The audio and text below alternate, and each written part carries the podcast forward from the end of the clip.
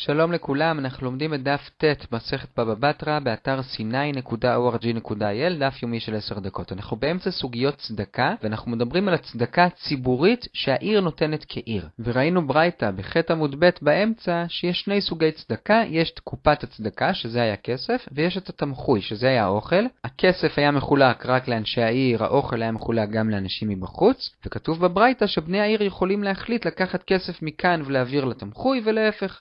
אפילו יכולים לשנות את הכסף הזה לכל מה שהם ירצו, כלומר גם דברים שהם לא צדקה, אלא פשוט צורכי ציבור שונים. ובאמת היה סיפור שהיה בית כנסת שהם קנו מחצלות מהכסף של צדקה, כמובן בהסכמת בני העיר, אבל אביי לא הסכים לשבת על זה, כי זה היה מהכסף של צדקה, אבל אז כשהוא שמע את המשנה שלנו, אז הוא הבין שזה מותר, והוא באמת ישב. עכשיו דין דומה יש גם לגבי גבאי צדקה פרטי, שרבא בהתחלה היה מקפיד שיהיו לו שני כיסים, אחד לצדקה של העולם ואחד לצדקה של אותה העיר, בשביל שהוא לא ייתן צדקה שיועדה לעיר, לעולם או להפך, אבל אז הוא שמע ששמואל אמר, שאם הוא מתנה ואומר מראש שהוא הולך לעשות עם הכסף הזה מה שהוא רוצה, אז מותר לו לעשות מה שהוא רוצה והוא יכול לעשות גם כיס אחד של צדקה. רב אשי, שגם הוא היה גבאי צדקה, אמר שאפילו לא צריך להתנות לפני. כל מי שנותן לו צדקה, נותן לו על דעת זה שהוא יעשה מה שהוא רואה לנכון בעיניו. אז זה לעניין צדקה. עכשיו באותה ברייתא היה כתוב שבני העיר יכולים להחליט גם על עוד דברים בלי קשר לצדקה. הם מחליטים על המידות, כלומר למשל כמה זה שאה, על המחירים של מוצרים שונים, על השכר של פועלים, ואל כל הדברים האלה הם גם יכולים להכריח, זה נקרא להסיע על קיצתם. ומי שלא מקשיב להם יכולים גם לקנוס אותו. ויש סיפור, שורה רביעית בעמוד א', ששוחטים החליטו ביניהם שכל אחד יהיה לו יום אחר שבו הוא שוחט, ואם מישהו ישחוט לא ביום שלו, ייקחו לו את האורות של הבהמות שהוא שחט ויקראו אותם.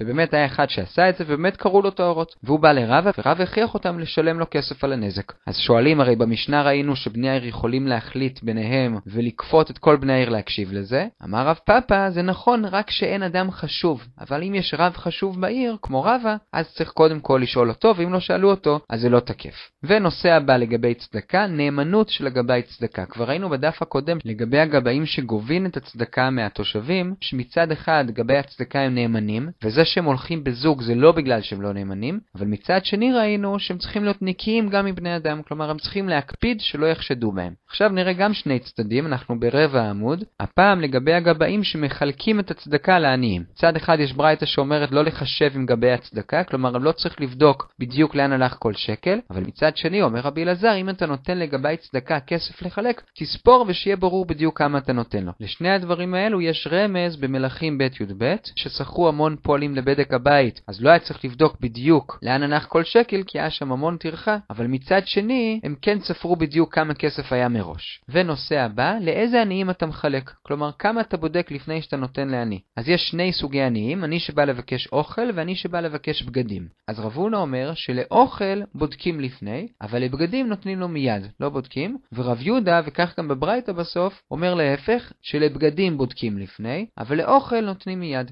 אפשר להסביר את המחלוקת הזאת גם על ידי סברה וגם על ידי פסוק. על ידי סברה, הסברה של רב הונא לתת לו בגדים מיד כי הוא מתבזה, כרגע אין לו בגדים. לעומת זאת אוכל, אז לא נורא, הוא ישרוד שעה אם תבדוק קודם ואז תיתן לו. ורב יהודה אומר להפך, מתבזה זה לא נורא, אבל אם באמת אין לו אוכל אז הוא סובל כל רגע. לכן אוכל תן לו מיד, בגדים תבדוק קודם. זה סברה, אבל גם יש פסוק. שניהם לומדים מפסוק בישעיהו נ"ח.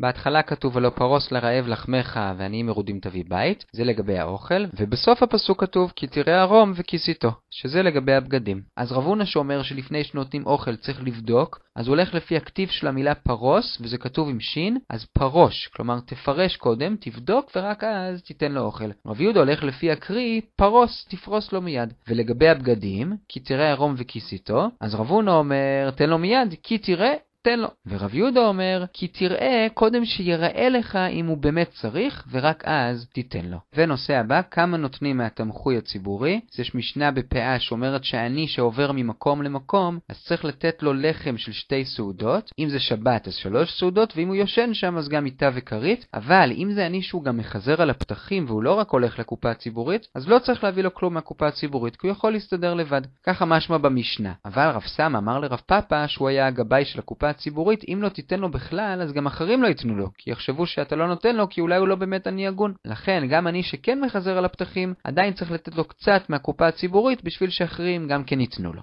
עכשיו, עד כאן לגבי קופה ציבורית. עכשיו, מה החיוב של אדם רגיל לתת צדקה? אז הרמב"ן אומר שצריך לתת עשירית, אבל כאן בגמרא מציינים את המינימום שבמינימום, אומר רב אסי, שליש שקל בשנה, והוא לומד את זה מהפסוק, והעמדנו עלינו מצוות לתת עלינו שלישית השקל בנחמיה, והפסוק הזה מעביר אותנו לנושא הבא של חשיבות הצדקה, כי רב אסי גם דורש מהפסוק הזה, שכתוב מצוות ולא מצווה, שצדקה שקולה כנגד כל המצוות. ועכשיו נראה, אנחנו תשע שורות מלמטה, כמה מימרות של רבי אלעזר על החשיבות של צדקה. אז קודם כל הוא אומר, גדול המעשה יותר מן העושה. כלומר, מי שדואג שאחרים ייתנו צדקה, זה יותר חשוב מזה שנותן צדקה בעצמו, כי על הגבי צדקה נאמר שהוא זוכה לשלום, וזה שנותן זוכה רק להשקט ובטח, בישעיהו ל"ב, ועוד מימרה של רבי אלעזר מהפסוק שראינו כבר, הלא פרוס לרעב לחמך ועניים מרודים תביא בית, הוא מסביר שאת הכסף אתה תיתן ממילא. אז אם תזכה, תן את זה לצדקה. ואם לא תזכה, אז אתה תיתן את זה לעניים מרודים. כשהוא דורש את זה לא לפי הפשט, אלא שעניים מרודים זה הרומאים. כלומר, אם לא תיתן לצדקה,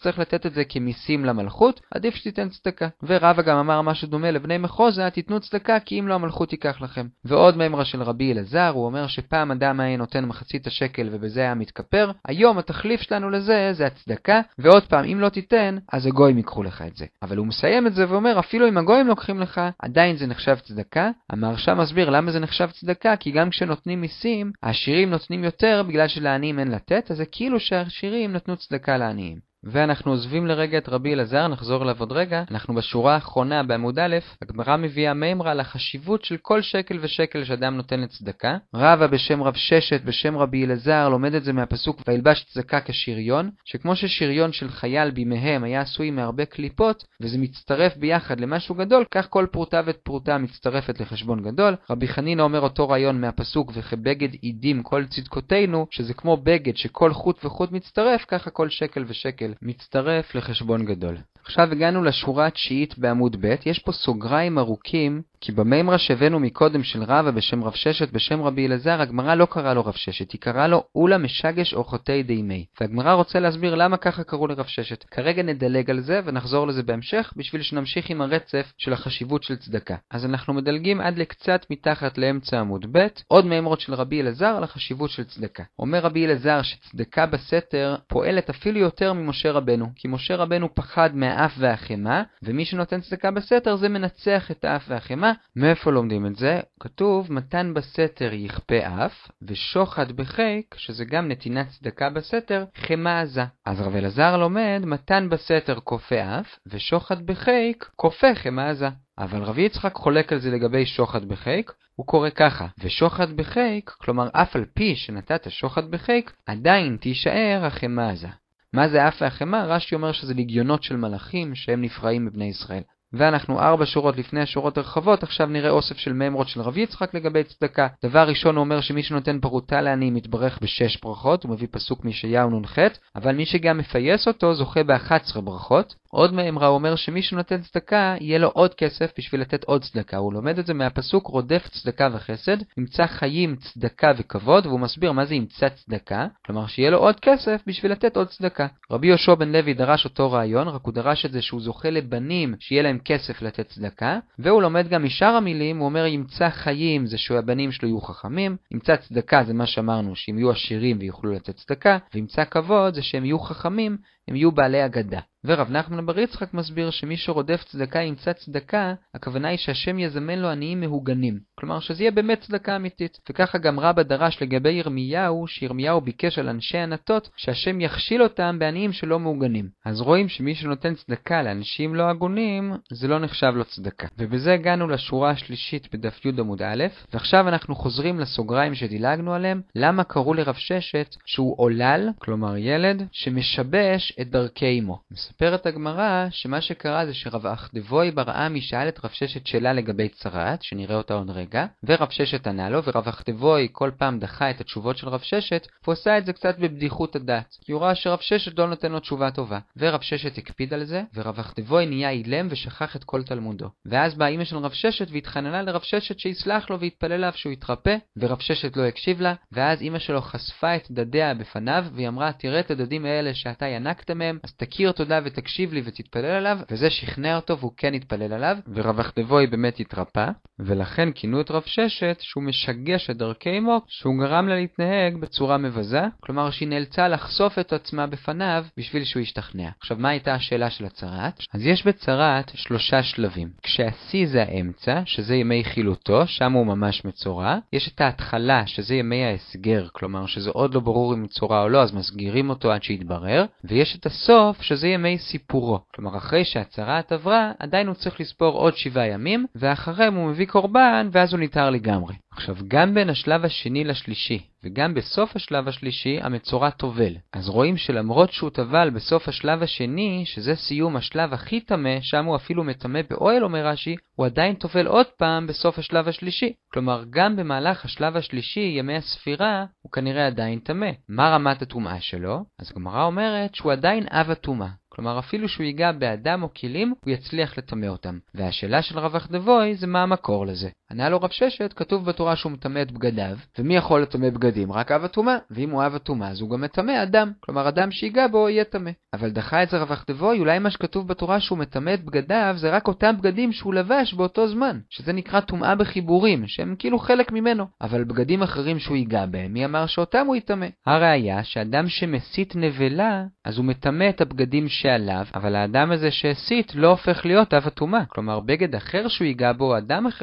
בו, לא נטמע. אז אותו דבר פה, אי אפשר ללמוד מזה שהוא מטמא את בגדיו, שהוא גם יוכל לטמא אדם או בגדים אחרים שהוא ייגע בהם. ואז רב ששת ניסה לדחות את התחייה. והוא אמר, אני אביא לך ראיות מדברים אחרים שמטמאים, שאנחנו לומדים שמטמאים אדם, מזה שמטמאים בגדים. כלומר, אני כן יכול להסיק שדבר שמטמא בגד, גם יטמא אדם. אז הוא מביא לו שתי דוגמאות, טומאת שרץ ושכבת זרע, שבשניהם הוא אומר שמזה שהם מטמאים בגדים במגע, לומדים גם שהם מטמאים אדם במגע. אבל את שני הראיות האלו רב אכתבוי דחה, כי אומר שזה פשוט לא נכון. שמה לא למדו את זה שזה מטמא אדם מזה שזה מטמא בגדים. אלא פשוט כתוב שם במפורש, או שיש לימוד, שזה גם מטמא בגדים, ושזה גם מטמא אדם. אז אין לך מכאן ראייה שבגלל שזה מטמא בגדים, זה גם מטמא אדם. כי שני הדברים כתובים במפורש. אגב, תראו רש"י שהיה יכול לדחות אותו בעוד דחייה. אבל אומר רש"י, רב אכתבוי הביא דחייה יותר טובה. בכל אופן, מה שקרה שם זה שרב אכתבוי ענה לו קצת בבדיחות הדעת, ולכן רב ששת הקפיד עליו, ואז קרה מה שקרה, אבל עדיין אנחנו צריכים לענות על השאלה מאיפה בכל אופן לומדים שהמצורע בשלב השלישי בימי הספירה מטמא אדם, אז הגמרא מביאה ברייתא של רשב"י שהוא אומר שלומדים את זה מגזרה שווה,